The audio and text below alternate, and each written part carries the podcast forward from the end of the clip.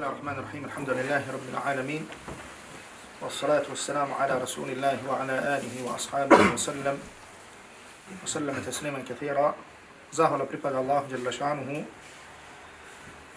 إذا نسيم صلاة السلام نقصني الله وقصنيك محمد صلى الله عليه وسلم كجوزي شني الله تبارك وتعالى يا أيها الذين آمنوا اتقوا الله حق تقاته ولا تموتن إلا وأنتم مسلمون وبيكو برية bojite se Allah istinskom bogobojaznošću i nemojte umirati osim kao pravi muslimani.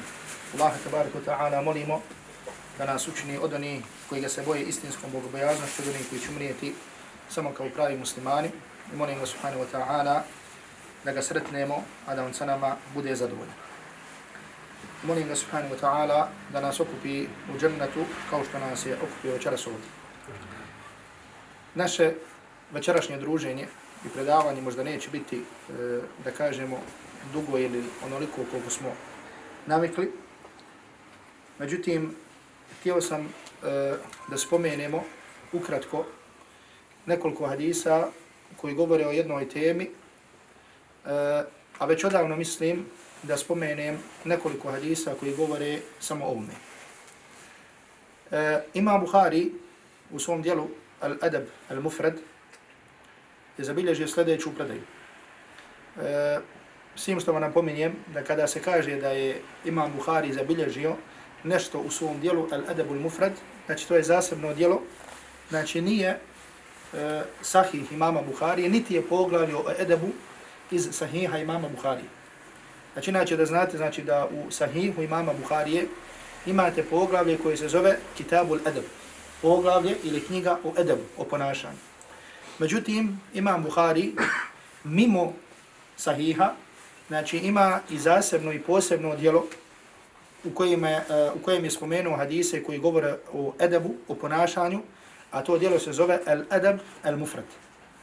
I to djelo je prevedeno na naš jezik i mislim da ga još uvijek možete naći i zato istinski savjetujem kogod, kogod može da dođe kogod može da dođe do ovog djela, da e, dođe do njega i da ovo djelo znači, pročita i isčitava, jer uistinu je vrijedno, znači ne samo da se pročita jedan put, nego da se, e, da kažem, isčitava, odnosno čita, odnosno čita više puta. Naravno, sam napomenuo da Imam Buharija ima i još nekoliko dijela, međutim, znači nisu poznati kao sahih, kao što je, na primjer, dijelo Tarihul Kebir, znači velika historija, također e, Halku Efa'ali l'ibad i tako dalje, znači i zato obrate pažnju, znači kada se kaže, jer ponekada može biti da ima Buhari spomenu neki hadis u nekom svom drugom dijelu, a ne u sahihu.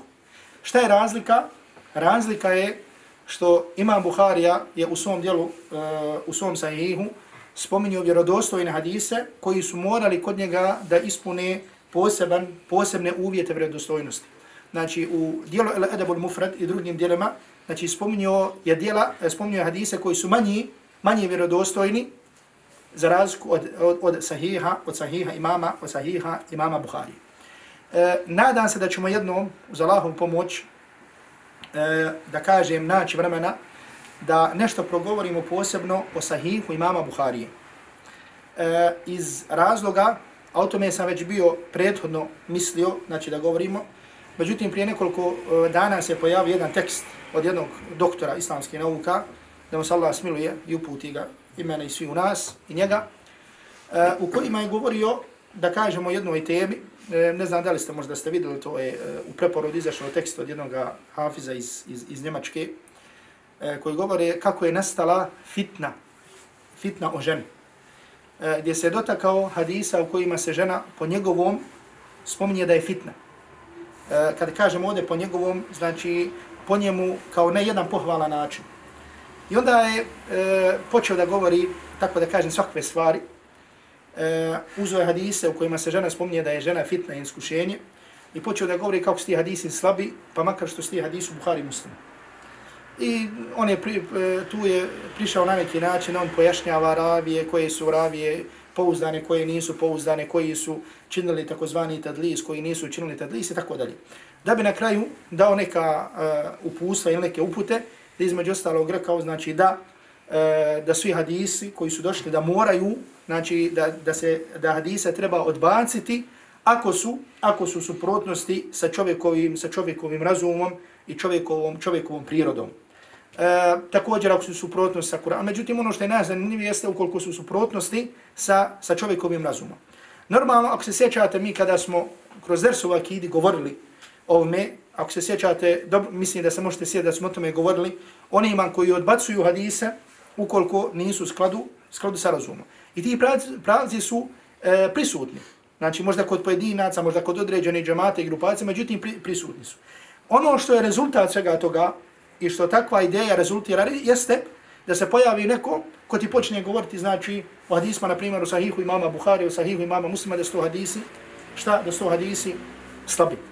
Međutim, što je najžalosnije, što dolaze sa nekako, da tako da kažem, slabim logičkim principima, e, kroz koja to pokušavaju da pojasnije. Na primjer, ako ćete govoriti, da istina u Kur'anu se, u sunnetu poslanika, alaihi salatu wasalam, prostite, se spominje da je žena iskušenje. I spominje se hadis da poslanik sallallahu sallam kaže e, da poslije vas vam e, ne ostavljam iskušenje koje je veće iskušenje od, od žene. E, međutim, znači riječ fitna se spominje u Kur'anu. Prije nego što se spominje u hadisu. I Allah Đelešanu kaže وَعَلَمُوا أَنَّمَا أَمْوَالُكُمْ وَأَوْلَادُكُمْ fitne. Znajte da su vam vaša djeca i vaši meci fitna. Dobro, sad ako, se, ako ćeš odbiti hadis, zato što se u njemu spominje da je žena fitna, znači hoćeš li po toj logici odbiti ajet u kojem se kaže da je i metak i djeca da su to fitna. Znači to je žalosno i to je, znači, šehhul Islam ibn Taymiye kada govori o ovim stvarima, jer su u njegovom uh, vremenu bili prisutni ovakvi pojedinci ljudi. Šehhul Islam često je spomnio u svojim djelima da ne može da dođe do kontradiktornosti između vjerodostojne predaje i zdravog razuma. I što je također pojašnjavao jeste što ljudi koji su stupili od Kurana i Sunnata, da su ljudi koji najviše kod sebe imaju kontradiktornosti. Da sljedbenice strasti su ljudi koji kod sebe najviše imaju čega? Kontradiktornosti. Koliko god pokušavaju određenu stvar da pojasne kroz takozvana logička ili razumska pravila, sami upadaju u kontradiktornost. I zato kažem kao primjer toga, znači možete vidjeti, znači, ako ćeš odbiti hadi zato što se u njemu spominje da je žena fitna, pa šta ćeš tako onda učiniti sa ajetima gdje se spominje da su djeca i da su imetak fitna i tako dalje. Naravno, riječ fitna, da sad ne pojašnjava, znači u, u arapskom jeziku ima više značenja, također, znači, e, u Kur'anu sunnetu je došla, koliko se sjećam sada, e, dama sam to čitao, e, mislim da šešen Kito od Va'ul Bejan spominje da, da, da, dolazi u četiri konteksta u Kur'anu sunnetu, međutim, možda Allah dadne, pa nešto, pa nešto ome napiše. da se vratim e, na dijelo Al-Adabul Mufrad od imama Buharije, imam Buharija u ovom svom dijelu spomenuo jednu predaju da je Ummu Darda, a to je bila ko? Žena Ebu Derde, poznatog ashaba Allahovog Rasula sallallahu alaihi wasallam kazala. Da jedne prilike Ebu Darda klanjao noćni namaz.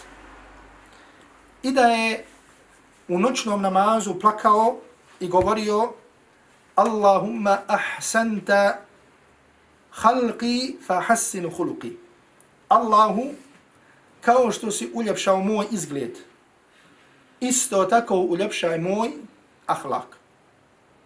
Znači, Ebu Darda je cijelu noć klanjao noćni namaz i plakao učeći samo jednu dobu. A to je koja doba? Allahu, kao što si uljepšao moj izgled, isto tako uljepšaj šta? Moj ahlak. I kaže mu Darda, radijallahu ta'la anha, da je tako činio hata asbaha sve dok nije osvanuo. To jeste dok ga nije zatekla zora. Pa je sutra dan Ummu Darda, njegova žena mu e, rekla mu, kaže, ma kana du'auka munzu lejla illa fi husni l'huluq. Kaže, cijelu noć tvoja dova je bila o lijepom ahlaku. Ovo mu je kazalo u smislu da ga je pitao. Ili u kontekstu čuđenja. Znači, zar cijelu noć da provedeš učeći dovu koju? Dovu o lijepom ahlaku. Pa onda Abu Darda radijallahu ta'ala anhu rekao, znači ovo reći se Abu Darde, kaže, inna la abdal muslim jahsunu hulu. Kaže, zaista rob musliman, njegov ahlak bude lijep, pa ga taj njegov ahlak uvede u džennet. a zaista čovjeku ili robu muslimana, ahlak, odnosno ponašanje, bude ružno, pa ga to uvede u vatru. I onda kaže, wal amdul muslim, yugfaru lahu wa huwa naim. A kaže, robu muslimanu ili čovjeku muslimanu biva oprošteno dok spava. A čovjeku muslimanu ili robu muslimanu biva oprošteno i ne može da bude oprošteno dok spava. Pa ove riječi Umu Derda kada je čula, rekla je kako to da mu bude oprošteno dok spava. I prije nego što spomenem odgovor, spomenut ću vam jednu stvar, a možda sam to spomenuo prije. Ovo je, draga brećo, nešto što se zove također fikhu sahaba. Fik ashaba. Ili razumijevanje ashaba njihovo razumijevanje i poimanje vjere. Međutim, kada ovdje kažem fik, odnosno poimanje ashaba, ne mislim samo na ono što je nama poznato kao fik. To jeste pitanje halala i pitanje harama. To jeste propisa. Da li je nešto vađu, da li je nešto sunnet, nego njihovo poimanje života, odnosno da kažem preciznije, kako da čovjek bude spašen na dunjaluku i na ahiretu. Znači, kada u pitanju ovaj fik, ili da kažemo da ga nazovemo fikhun nufus, razumijevanje duša, i kako čovjek da dođe do uspjeha, nema sumnje da nakon Allahovi poslanika, da su ashabi ovu stvar najbolje poznavali. Kako da čovjek ostvari sreću i da zasluži uspjeh i na dunjalku i na ahiretu. Jesu razumijevali zato što su išli ka tom cilju. Znači, najbolje su to poznavali. Naravno, kažem, nakon ashaba Allahovog poslanika, alaihi salatu wasalam. Kaže, zaista čovjeku muslimanu biva oprašteno, a on šta? On spava. Pa mu žena reče kako to? Da on bude oprašteno dok on spava. Pa kaže Abu Darda, radijallahu ta'ala anhu, kaže, jakumu ahuhu min al-lejl. Kaže, njegov brat, ustane po noći i klanja i dovi i dovi za njega pa da se dova od primi, odnosno bude kabul i za njega i za njega. Znači šta je tio da kaže s ovom stvari? Znači kako ti može biti oprošteno dok ti spavaš? Ti spavaš, međutim neko tamo dok ti spavaš dovi za tebe.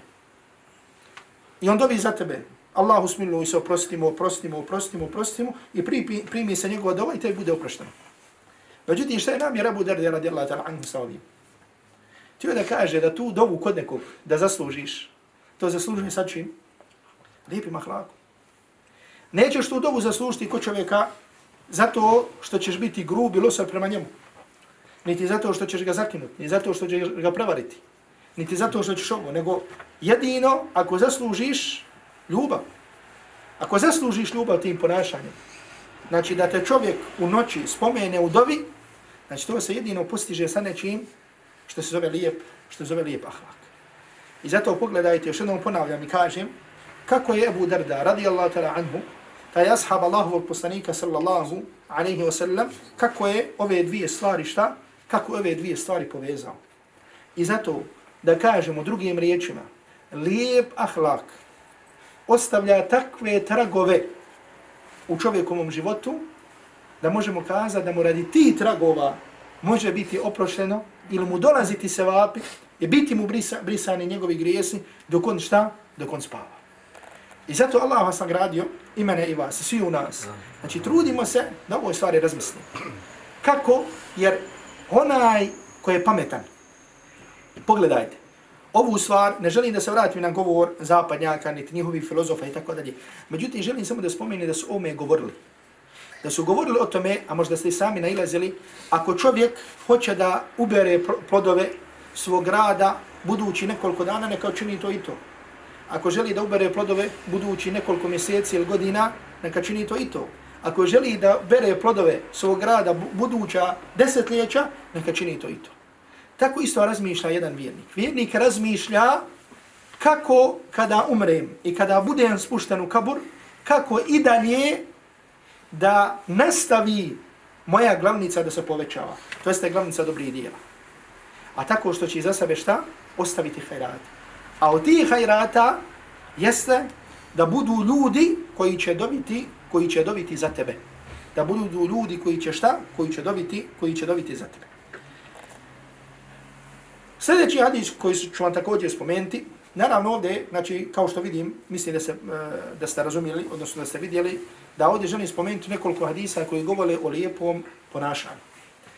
Lijepo ponašanje, draga braćo, nije nešto što do čega se može doći preko noći. Da čovjek kaže, ne, ja sam lijepo ponašanje, šta?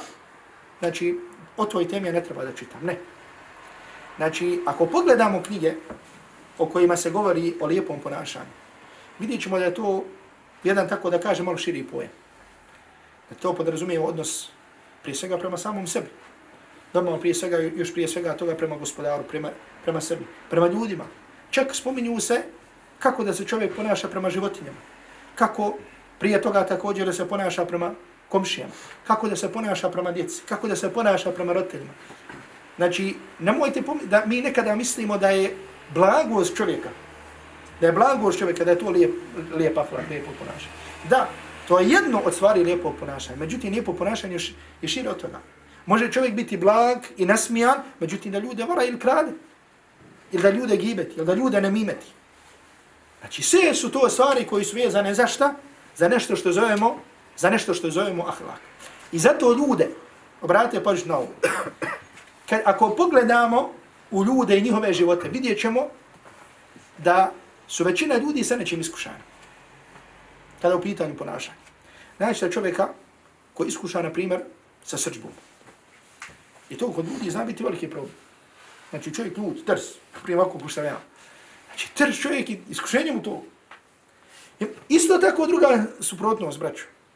Da čovjek bude blag, međutim da blag i lijen bude. To je također bolest. Znači, pazite, znači, ako pogledate dove Allahovog poslanika, salatu wasalam, došlo je tu da je poslanik alihi salatu wasalam tražio utočište. Uticao se Allah od određenih osobina. Od tih osobina koji su došli, jeste li kesel. I te dove su učio jutarnjim večernim zikrom. I zato, draga braću, znači, da znate. Jer ponekad ljudi razmišljaju šta kaže, ja sam ono lijen. To, to, to su mi gijeni. No, malo sam, malo sam ponijen. Para te ljenosti ostavlja obaveze prema drugim ljudima. Što je najveći problem preko, prema njegovoj porodici. Radi te ljenosti, šta? Znači, zna biti, znači, zanemarivati badete. Radi ljenosti, ostavlja traženje znanja. Radi ljenosti, ostavlja popravljanje osobina koji su kod njega. To je također bolest. Znači, dovoljno je samo da vam kažem da je to bolest koja je došla u Kur'anu. Sam da to je bolest. I da je to bolest od koje se je poslanik sallallahu alaihi wa sallam uticao. Znači, ljenost. To je također šta? Iskušenje. Imate ljudi koji, na primjer, u ibadetu mašala. Znači, može postiti ponedeljak, može postiti četvrtak.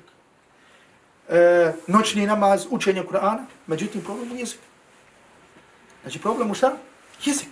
Znači, malo da ljude ogibeti, Malo da, da, da, da učini, da čini, da prenosi ljudski govor. To je također šta? To je također iskušenje.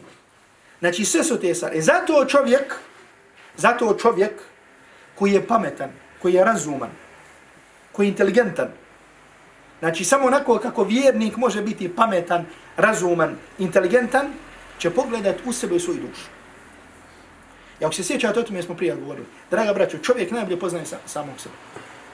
Ja vam sad možda mogu govoriti o nečem, međutim, da ovo što to nije problem kod tebe. Međutim, ti znaš da li je tebi problem njenost, Da li ti je problem ovo, da li ti je problem ovo, da li ti je problem ovo. I zato najkraći put jeste da čovjek da sebi diagnozu. Šta je kod mene problem? je to, problem to. Problem je da sam njen u ibadetu, problem to. Da sam njen po pitanju traženja znanja, problem to. Da sam neodgovoran prema porodci. Štrihiraš tu stvari, zapišeš, zapišeš kod sebe. Čovjek kada sebi sam, sam sebi dadne diagnozu, sljedeća stvar koja će biti, da će tu stvar liječiti. Međutim, opet vam napominjem ovdje, A to je, znači, napominjem i kažem da je ljenost od najvećih bolesti. I to povežete ono što je došlo u govor islamskih učenjaka o vrijednosti vremena. Znači, šta je vrijeme? Znači, što je došlo u govor Hasan al-Basri, šta je vrijeme? Vrijeme si ti. To je kod jednog broja učenjaka došla definicija čovjeka tebe. Šta si ti ti s vrijeme? Svaki put kada ode vrijeme, ode jedan dio tebe. Nikad ono što ti ne može se povratiti. Ono što ti je od vremena, taj dan ne možeš povratiti. I zato, znači šta će oni koji su propali kada dođu na hira, šta će želiti? Silu će vrijeme da se vrate na dunjaluk i dunjalučko vrijeme, da u tom vremenu čine šta? Da čini dobra Da čini stvari, da čini stvari pokornosti. Isto tako je zabilježi imam Bukhari u svoj dijelu Edebul Mufrad. Većina hadisa koji ćemo citirati večeras jesu iz dijela Edebul Mufrad. Od Ebu Hureyre radijallahu ta'la anhu da Allahu poslanik sallallahu alaihi wa sallam rekao inna rajula la yudriku bi husni huluqihi darajata al-qaimi bil lejl. Kaže zaista čovjek lijepim ponašanjem može dosti, dosići granicu onoga koji obavlja noćni namaz. Međutim, pogledajte prvo, kada se spomene ovdje u hadisu, i hadisu slično ovome, kada se spomene el-qaimu bil lejl, onaj ko obavlja noćni namaz. Ne misli se to onaj koji, na primjer, klanja dva ili četiri rekata, šest rekata, preselam i, i završi. Ne. Znači, bilo je ljudi koji bi pola noć, trećinu noć, pola noć, neki cijelu, cijelu noć, šta? Znači, obavljali u noćnom namazu. Zato što je nekim ljudima to njihov život. To je ono što bi trebalo da svima nama bude smisao života smisao života im baditi. Čovjek, ovdje nas poslanik alihi salatu wasalam, obavještava u ovom vjerodostojnom hadisu, da je lijep ahlak da te može, tako da kaže, da sa njim dosegneš, jel dođeš granicu lijepog ponašanja. I zato, brate, pažnju, znači opet vam citiram ovaj hadis, da čovjek lijepim ponašanjem može doseći granicu onoga koji obavlja noćni ibadet, odnosno onoga koji obavlja koji obavlja noćni, koji obavlja noćni namaz. E, normalno, mislim da se razumijete ovaj hadis, znači ovdje se govori o čemu, o važnosti lijepog ponašanja, znači kolika je također, znači kolika je granica i noćnog namaza, jer čovjek, kolika je vrijednost noć, noćnog namaza, jer čovjek, ajde spava, jer čovjek, ovaj problem će lijek skroz, ništa, ništa, spavajte. Jer čovjek znači da noćni namaz nema toliko, toliko vrijednost, ne bi ga poslanih alihi salatu wasalam usporedio. Međutim, ovdje mi je zanimljiva jedno tumačenje. Zašto se ovdje poredi lijepo ponašanje sa noćnim namazom? Jedan od, od tumačenja koji se naišao, želio sam da podijelim s vama. A to je kaže se zato što onaj koji ustaje na noćni namaz, onda bi ustao na noćni namaz, šta treba da uradi? Je li lahko čovjek ustati na noćni namaz? Ha? Dobro, sad jedno pitanje, malo da izađemo iz. Kako se, koji je naziv za noći namaz? Ha? Qiyamu li. Koji još ima naziv za noći namaz? Ima li nešto zove? Te, te, he, teheđud. Jel vam to upoznati? Te, kako? Teheđud. Teheđud. Ima qiyamu li, ima teheđud, ima vitr, je tako? E šta je sad šta? Šta je razlika između noćnog namaza i teheđuda? Teheđud je blizu sabah, je Dobro, zna li još neko? Teheđud je ono što je posle spavanja. Posle spavanja. Znači ono što klanjaš prije nego što zaspeš, to se zove jamu li. Međutim, ono što klanjaš u noći, nakon što si zaspo i probudiš se, to se zove kako? To se zove tahajjud. To se zove tahajjud. Znači to da znate jedna od razlika. Mada znači općan to, ja mu lejim jedno i drugo.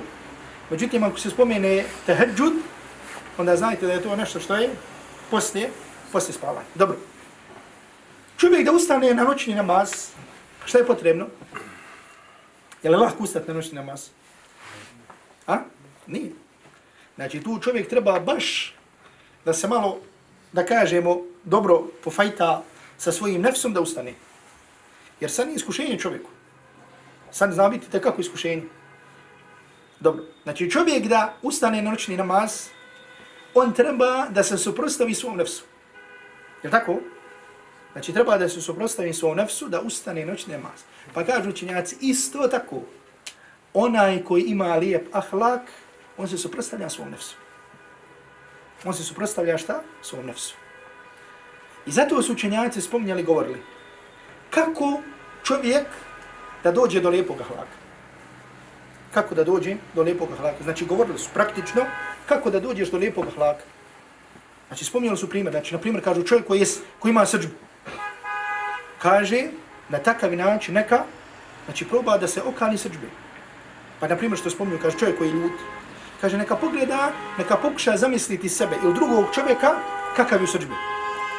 I šta radi, šta? Šta radi u srđbi. Znači, niko sebe ne bi volio da vidi u srđbi.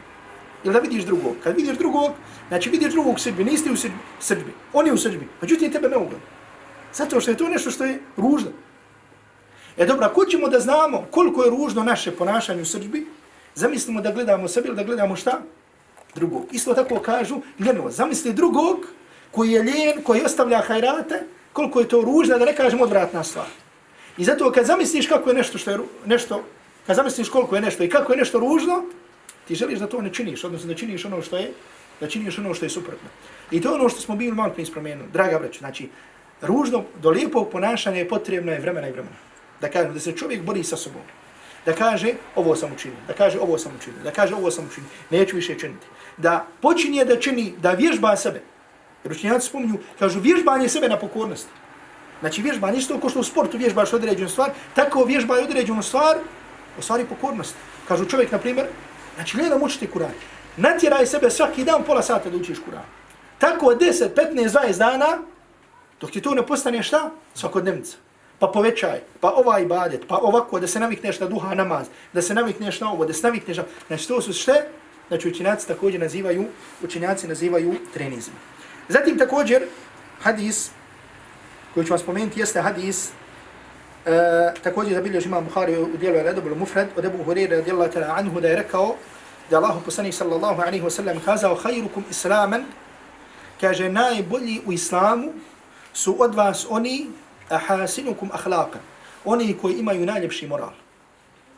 Ali kaže poslanik alaihi salatu wasalam, idha faqihu. Ako se poduče propisima vjeri. Ako se poduče propisima vjeri. I ovaj sam hadis ovdje želio spomenuti da znate, znači da učenjaci iz ovog hadisa uzimaju jedan lijep zaključak ili pravilo, gdje kažu da ono što je potpuno čovjekovog islama, ili kako čovjek upotpunio svoj islam, Kaže, to su dvije stvari. To je čovjekovo znanje i to je lijepo šta? I to je lijepo ponašanje. I možda ono što će nas također postaknuti na ovo jeste hadis gdje Allah poslanih sallallahu alaihi wa sallam kaže, za hadis zabilježi imam Ahmedu svom musnadu, kaže, hoćete li da vas obavijestim onima koji su najbliži meni na sudnjem danu? Odnosno, koji će najbliži biti meni na sudnjem danu. Pa rekao še da kako Allahu poslaniće, pa Allahu poslanik alaihi salatu wasalam kaže najbliži meni i najdraži meni na sudnjem danu će biti oni od vas koji su imali koji su imali lijepo, koji su imali lijepo ponašanje. Oni od vas koji su imali šta? Lijepo ponašanje. Međutim, na veliku žalost, i to je jedna i takako bitna stvar za spomenuti i ukazati na nju, da u vremenu u kojem živimo, draga braćo, kod ljudi lijepo ponašanje, ili lijepe osobine, lijepe moralne osobine, ne znači nešto puno. Znači danas u ovom vremenu, znači kod ljudi, moralne osobine nešto ne znači puno. Zato što mjerilo kod ljudi, mjerilo vrijednosti ili mjerila vrijednosti su nešto sasvim drugo, na veliku žalost. A to je, na primjer, tako da kažem, kod ljudi koji nisu vjerni. Znači, šta je mjerilo vrijednosti? To bogatstvo. Koliko imaš? I na kakvom si položaj? Na veliku žalost, ta stvar se dešava, i odnosno primjećuje ili prisutna je i ljudi koji su vjeri. Znači ono što ti znaš od vjere, koliko znaš od vjere, kakvi imaš osobina, nema to neku, neki značaj. Znači značaj je šta? Također koliko si ugledan određenom društvu. Odnosno koliko imaš, kako ima, kakav imaš položaj, koliko te ljudi određeni respektuju i tako dalje. Znači moralne vrijednosti ili osobine kod ljudi su ostale, znači da nemaju neku vrijednost. Osim što na veliku žalost. Mislim, to je dobra stvar u isto vrijeme žalostno. Što tu stvar spominjemo samo kada spominjemo koga, kad spominjemo ljude koji su mrli. Čovjek preseli i kaže, mašala, koliko, kako je taj čovjek imao i badet. Mašala, kako je taj čovjek bio lijepog ponašanja. Mašala, kako je taj čovjek učio Kur'an. Međutim, te stvari kod nas nemaju nikakvu vrijednost. Ako pogledamo. I zato, ovo tako jasno nalazimo. I Allah poslanih sallallahu alaihi wa sallam kaže, arba'un idha kunna fika fala alayka ma fatik min dunja. I ovaj hadis je ših Abdul Qadir Abnamut rahmatullahi alaihi često puta citirao. i spomine. To je četiri stvari, znači pogledajte, Allah poslanih alaihi salatu wasalam, kaže, četiri stvari ako se nađu kod tebe, neka te ne žalosti ono što te mašilo od dunjaluka. Pa kaže poslanik, alaihi salatu wasalam, sidku hadithi, wa hifdu amanetin, istinit govor, nošenje emaneta, husnu khaliqatin wa iffetun fi atometin, lijepo, lijepo ponašanje i čednost u ishrani. Znači ove četiri osobine. Znači kada govoriš da šta? Da ne lažeš. Emanet, da ta emanet šta? Nosiš. Zatim još šta? Da imaš lijep ahlak. I četvrta stvar, da vodiš računa o svoj ishrani. Poslanik sallallahu sallam kao da nam kaže, ove stvari ako se nađu kod vas, znači drugo što vas ima što dunjalu, nemojte da se žalosti. Zato što je sve drugo na fak, što mi rekli. Možda ti Allah odredio da imaš ovliku na faku, da imaš oliko imetka, da nemaš oliko imetka i tako dalje. Međutim, danas ljudi suprotno. Danas ljude žalosti šta? Zato što ga imaš ovaj posao ili onaj posao ili ovo ili ona donacija. Međutim, osobine kao osobine i šta? I zato kao da nam Allahu poslanih sallallahu alaihi wa sallam u ovom hadisu kaže šta?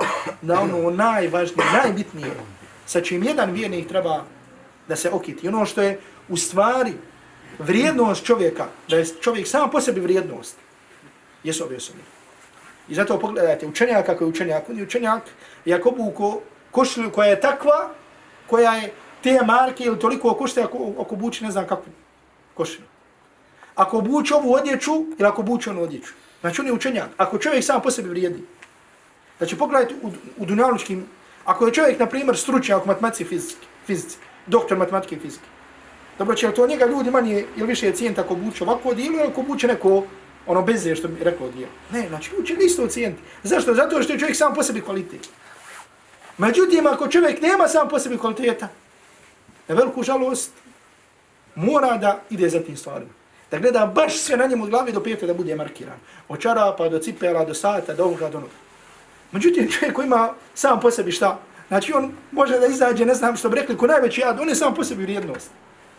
I zato kaže jedne prilike, U Damasku je bio jedan veliki poznati alim, zao se ših Badrudin al-Hasani. Znači, bio je alim i uglavnom bio od veliki reformator u tom svom vremenu. I kažu, jedne prilike bila, znači veliko, da kažemo, poput, u, u sali su okupili uglednici i tako dalje. I sad kako su ljudi sjedili, znači bili su okrenuti prema tim koji, koji su govorili. Smiri se im što poslati kuće. baksi ono. I svi su bili okrenuti prema tamo. Kad je došao šehe Bedruddin Hasani, kod mu dođe, dođe naprijed. Međutim, čovjek iz, iz, iz poniznosti nije tijelo da ide, nego sio na kraj gdje je bilo. Međutim, kad je sio na kraj, svi oni što su sjedili tamo, okrenuli se prema njemu. Znači, čitavo sjelo koje je bilo, društvo koje je bilo okrenuto prema tamo, znači da zamislimo da je tamo bina, oni su okrenuli prema njemu. Znači, zašto? Zato što je bio on, on. Zato što je bio čovjek od tih osobina, znači čovjek bio alim, kaže za njega da je kutubu site znao napamet, da je poznavao ravije, ocjene ravije i tako dalje. Međutim, kad je neko vrijedan sam po sebi, ovo govorimo kada je vrijednost, na primjer, u ilmu. U ilmu. Međutim, ovdje isto tako govorimo sad kada je vrijednost čemu? U osobinama. Znači, ako se ti čovjek, nemoj da te ljudi poštuju i vole, zato što ste na nekom položaju. Onaj koji te voli zato što ste na nekom položaju. On će te zamrziti kad odeš sa tog položaja. Ako te ljudi, ako nemoj dopustiti da te ljudi vole zato što imaš ili nemaš. Gledaj da ljude osvojiš sa onim što si ti. Da budeš original. Sa svojim osobinama. E sad te svoje osobine sad radi, poradi na njima. Draga breću, znači, ovo je, ovo je to čudno i pokvareno vrijeme. Ovo je vrijeme markirano vrijeme. Svi hoće da budu markirani. Znači, gledaš šta nosi, kako se oblači, kako reče ga, te neke furke. Ja ne kažem čovjek muslima, treba lijepo biti obučen. Treba, znači, svi ti stvarima treba voditi. Dakle, da kažemo računa. Znači, ali učini da te ljude vole, jel da te ljudi cijene zato što si ti. A ti, ti, budi sa osobinama kako su došle u sunnetu Allahovog Resula, alaihi salatu. Budi poznat po tom govoru. Po lijepom ponašanju. Po blagosti. Po pomaganju siromašnim. Po pomaganju ovima. Po poštivanju onih koji su stariji po poštivanju onih koji su mlađi i tako dalje i tako dalje. I zato vam kažemo, nemojte, jer znači, živimo za to vrijeme kada budemo spušteni u kapru. Allah vas najbolje. Za taj moment živimo. Da kažemo, e, sta, tada, kad budemo spušteni u kapru, aha, koliko ćemo me ljudi tada voliti? Koliko ćemo me ljudi voliti kad budem spušten? Koliko će govoriti, Allah mu se smilovati. Koliko će imati, koliko će želiti za tebe u smislu da kaže, e da je sad ono ovde, bilo bi tako i tako, pa da, pa da tu pute, da tu pute hajri dobro. Znači, pa za to vrijeme živimo. Jer ovo sve što živimo danas, to je danas dosta. I vidite kako je ovo čudno. Dunjaluk je čudan. Znači, Dunjaluk je čudan. Znači, ne, pogledajte, zna, čovjek juče je bio ministar, za nekoliko mjeseci u zatvoru. Čovjek bio zatrušt od jednog predsjednika države. Ovaj bio predsjednik države, bježi, kako se kaže, u avionu, nema gdje da sleti. Znači, to je Dunjaluk. I ako bi čovjek pratio te Dunjalučka, ta Dunjalučka krijeta, pukao mu njegov mozak. Zato čovjek zna da ima gospodara na kojeg se oslanja. I koga se boji. I zato Allah vas nagradio. Živimo za taj moment kada budemo spušteni, kada budemo spušteni u kabru. Spomenut ću vam još dva hadisa. Prvo hadis je e, da je poslanik sallallahu alaihi sallam kazao tadruna ma aktharu ma yudhilu nar.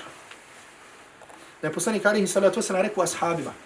I zato zamislite uvijek kada se ovako dođe, kad dođe neki hadis da poslanik kaže zam, kad je upitao ashabe, hoćete li da vam kažem? Hoćete li da vas obavijestim? Zamislite da ste vi prisuti, da vi slušate to. Tako će naprije ostati u našim glavom.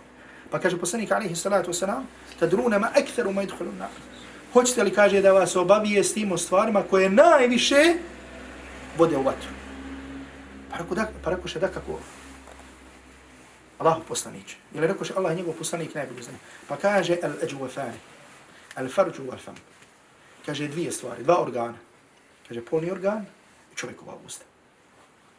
Polni organ i čovjekova šta? Usta. Znate hadis isto gdje poslanik alaihi salatu wasalam kaže kojim bude garantovo dvije stvari, ja njemu garantujem, to je to. Dobro. Znači, čovjekov jezik, šta može učiniti u balaji, koliko ljudi može odvećiti. Se ne kaže Allah poslanik alihi salatu wasalam za nije rekao, ko se sjeća mu azim džebel, Allah poslanik će, zar ćemo biti pitani za ono što su rekli naši jezici. Pa šta kaže Allah poslanik sallam? Pa kaže, thakirat ke umuke. Kaže, pa zar će ljudi biti basani u džahannam i radi čega drugog osim radi onoga što su posijali njihov jezice. Pa kaže poslanik alaihi salatu wasalam, a hoće li vas obavijesti onome što će najviše ljude uvoditi u džennet? Pa rekao še, da kako? Allahu poslaniče. Pa kaže, takva Allah wa husnul khulq. Kaže, bogobojaznost i kaže, lijepo ponašanje. Bogobojaznost lijepo ponašanje. Također ima Buhari zabilje ženu predaju, gdje Ibn Abi Nu'am kaže, čuo da je, kaže da je bio prisutan kada je došao čovjek Ibn Omeru, radijallahu ta'ala anhu. A ovo opet spominjem, s ovom predajom ću završiti. Prvu i ovu predaju, gledajte dobro da razumijete. Jer ovo je ono što vam kažem, fik ashaba. Da je došao čovjek Ibn Omeru iz Iraka. I ovo je predaj također zabilježi imam Buharu u svom sahihu. I kaže, pitao ga, odnosno došao čovjek i pitao Ibn Omera an damil ba'uda. O krvi komarca. Došao pitao ga šta? O krvi komarca. To jeste šta? Je li neđaset ili nije neđaset? Znači krv komarca je li neđaset ili nije neđaset? Međutim, ovo isto tako, o mi smo isto govorili. Znači onaj koji je muftija, a? Znači mora da procjene onoga koji pita. Znači da mu kaže jes, nije, šafije kaže ovako, hanefije kaže ovako. Znači šta hoćeš da tim pita? Pa kaže im nomer, mi ne, odakle jesi ti? Pa mora će ovaj čovjek min ahli l-Iraq. Kaže, ja sam iz Iraka. A prije toga šta se je desilo u Iraku? Znači... A? Šta je bilo? Ubistvo Husein. Ubistvo Huseina. Znači Huseina su natentali da dođu, da dođe u Irak i ubijen je, i ubijen je u Iraku. Dobro. I sad kaže dakle, sti kaže, ja sam, ja sam kaže iz Iraka. I kaže Ibn Omer, radijallahu ta'la anhu, kaže, pogledajte ovoga. Kaže, ubili su unuka poslanika, sallallahu alaihi wa sallam, a pitaju me zašto? Pitaju me za krv od mušice. Znači, pogledajte, ubili su šta? Unuka Allahovog poslanika, alaihi salatu wasalam. Pitaju me o čemu? O komarcu. Da li krv od komarca, da li je neđaset ili nije neđaset? To je, iz ovoga možemo izvući nekoliko stvari. Znači, iz ovoga, prvo znači, Ovako je poimanje vire kod nekih ljudi. Znači, ubi čovjeka, ništa. Ubi čovjeka, zakla čovjeka, muslimana, ovakvog, onakvog, znači to je približavanje Allahu te barku ta'ala. Međutim, da li je ovo kvar abdest, da li je ovo neđaset, da li je čak ubit tuđu svinju, da li treba plati odštetu, ne, to je kod njih vjera. I to je kako šeitan ili strast priđe, priđe čovjeku. I zato vidite, znači pazite, u islamu imaju stvari, znači treba poredati stvari. Znači pogledajte, danas, danas, znači imate ljudi koji govore o lijepom ponašanju, o lijepom moralu. Međutim, ezijeti druge muslimane. Ezijeti druge muslimane, prijeti druge muslimane. Pravi spretke drugim muslimane. Međutim, govori o lijepom ponašanju. Kako čovjek treba biti lijep, kako treba biti nasmijan. A da ne kaže možda njegove fetve ubijaju muslimane. Ili podsjeće ljude na ubijanje, na ubijanje muslimane, ili na kažnjavanje muslimane. Ili da kažemo druge strane, samo da pogledamo ovdje kod nas. Na naše stanje, ništa drugo nego na naše stanje. Znači, koliko nas je da Allah popravi naše stanje. Znači, izaćemo, možda ćemo lijepo govoriti o ahlak, kako treba biti nasmijan. Pogotovo, znači, što je još veća kontradiktornost, kako je treba biti lijep i nasmijan prema nemuslimanu. Prema ne musliman. Znači, ako ti dođe neko ko ti govori ovo, ko ti govori ovo, ti trebaš saburati i biti lijepo musliman. Međutim, u isto vrijeme smo prema muslimanima, da nas Allah te barahu ta'ala toga sačuva. Znači, u isto vrijeme smo prema muslimanima, znači, jezijetimo svojim rukama, svojim mjesecima, svojim... I zato Allah i rabu. Znači, nemojte da budemo od čega? Od ovih. Nemojte da budemo od ovih. Koji ćemo govoriti, jel neđaset ovo, jel nije neđaset ovo, koji ćemo govoriti o nekim filozofskim tema, kaže ljubav, znate kako vešije govore? Allah i ponizio. Kaže, ljubav u poimanju filozofije Mola Sadre. Znači, ljubav. Ima takih knjiga. A ovamo tamo ide Halep, Sire, znači, pokraše sve. Znači, samo što radi Sire, pokraše sve. I malo i stano pokraše, pobiše. Znači, to što, znači, Srebrenica i što je kod nas bilo je ništa šta se sada dešava u Siriji. Međutim, to ljudi gledaju. Ne da je ništa, nego, znači, gledaju. Ljudi govore Srebrenica kako smo dopustili, sada isto tamo gledaju. To je licemjerstvo ovoga, ovoga današnjeg svijeta. Međutim, ovdje šije, koje podržavaju to, govore ljubav u dijelima Mula Sadre, ljubav u, misli, u, u dijelima ili u misli e, Ibn Sine, ljubav misli, a tamo pokreće muslimane. La havla wa la huvata illa billah. I kaže da Ibn Umar, a kaže, ja sam čuo poslanika sallallahu alaihi wa sallam da kaže huma rejhana, uh, huma rejha, rejhanija mina dunja, rejhanija mina dunja. A kaže, ni dvojica su. To jeste Hasan i Husein, moja dva dunjalučka mirisa. Znači, Hasan i Husein su moja dva šta? Dunjalučka mirisa. Rejhanija, rejhanej. Znači, rejhan je miris. Znači, poslanik alaihi salatu wasalam je nazivu Hasana i Huseina da su njegova dva, da su njegova dva mirisa. I učinjaci kažu, znači poslanik Ali salatu to iz ljubavi prema njima, prema djeci, zašto je nazivao dunjalučkim mirisima? Zato što bi ih ljubio i mirisao. Znate kako? Ja se to pogotovo sjećam od stari nena. Znači stari nene kad bi ljubile djecu, šta bi? I mirisale bi ih. Kad bi ih ljubile. Znači to je koliko bi volili šta? Koliko bi volili djecu. Poslanik alihi salatu wasalam bi Hasana i Huseina ljubio i mirisao. I ovo sam spomenuo još zašto? Zato što učenjaci kada govore o edebu, spominju također. Edeb, zato sam pitao Hasan tu da ne čujemo, edeb roditelja prema djeci. Znači edeb roditelja prema djeci. Znači ako su našim dijelima došlo spomenutu edeb roditelja prema djetu, kako se ponaša prema djetu? Pa šta je tek ponašanje prema onome koji je iznad? Šta je tek onda koji ti je roditelj ili koji ti je djet? Ili onaj koji je stariji? Ili onaj koji ti je naučio? Ako te poslanik alaihi salatu wasalam uči ponašanju prema djetetu, pa gdje onda ponašanje prema ona, onaj koji stari I zato ne može, draga braću. Opet se sada ovdje vraćam na ono što sam, što sam vas, tako da kažem, prošli put malo bocku i provocirao.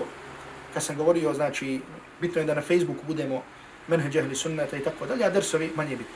Znači, nemojte da tražimo zdanje drsove, učimo, učimo, raspravljamo, Međutim, neke osnovne stvari jedba ne znamo, ili smo to stvar, stavili po stranu. Znači, ulaziš u džamiju, ne znaš kako ćeš se ponašati. Vidiš tamo neki dedo, možda neki dedo, tako da kažem, da izrazim se, dedo možda ters. Ti odmah i ti moraš biti ters. Dobro, gdje je blagost prema onome koji je gru prema tebi? Jel došlo je to i sunnetu našeg poslanika, blagost prema onome koji je šta? Koji je gru prema tebi. Znači, šta je onaj čovjek koji je došao u mesečit i pomokrio se? Znači, zamislite, u vremenu poslanika, Znači kako znanje, neznanje može da utiče. U vremenu poslanika i vremenu ashaba ulazi čovjek u mesđid i šta je? Šta je učinio? Pomokrio se u mesđid. Ne znači, pa nisu tada mesđide bili veliki. Ja ne znam da li sam mi kad govorio kako je nekada izgledao mesđid poslanika, alaihi salatu sallam. Znači bio je izrazito malo. I to je bilo ovako samo da je bio okolo ugrađen kamenjima, jel u redu? Znači da kažemo, sad da lupim, znači nekoliko redova elemenata, blokova. I samo tamo prvi dio od kible je bio malo nadkriven. Ovamo nije bilo nadkriven. Znači bio je malo. Ne znam sad tačno da li zna neko 10 sa 12 ili nešto, otprilike je tih dimenzija. I dolazi čovjek ne da mokri pored mesčida, nego mokri gdje? U mesčidu. I normalno sahabi neki, znači šta su odmah kad su na njega vidjeli za ruku. Znači na njega su ustali kako će... Uglavnom, on poslanik alihi salatu islam je rekao, puste ga, nek završi. I naredio je da se šta? Znači pospe voda po onome što je pomokrio. Šta je ovaj čovjek na kraju kazao? Allahumma rahamni wa Muhammada wa la tarham ma'ana ahada. Allah usmiluj se meni Muhammedu, a mimo nas dvojice nikome se ne može smilovati. Znači, meni Muhammedu samo. Zato što je bio ovakvi blag pre meni. Mimo nas dvojice nikome se ne može smilovati. Wala terham ma'ana ahada, nikome se ne može smilovati. Mimo šta? Nas dvojice. I zato Allah sam radio, znači ono što bi vam još spomenuo za kraj, jeste ovu knjigu, znači smatram da je u istinu nešto vrijedno da posluži čovjeku kao ili mihal. Znači kao što su prije stari ljudi imali jedan ili dva ili mihala, i to je za njih bilo sve. Znači fikija, akida, jahalak, znači što ili mihal, to je tako. Znači mimo toga kad takvim izađe, svake godine se čeka takvim da izađe. Znači mi danas imamo puno više literature, hvala Allahu na tome. Međutim, ne trebamo pogrešno razumjeti to što ima. Da čovjek samo čita, čita, ostaje i tako dalje. Znači neke knjige moraju poslužiti Znači, bukvalno da ti u životu budu ili mihal kao što su nekim ljudima bili mihal kad se prije nije bilo knjiga. A to je da nakon što pročitaš jednom da i dalje nastaviš, da, je, da svoju porodcu podučavaš na to, da se uvijek vraćaš na to, da, te, da se podsjećaš na to.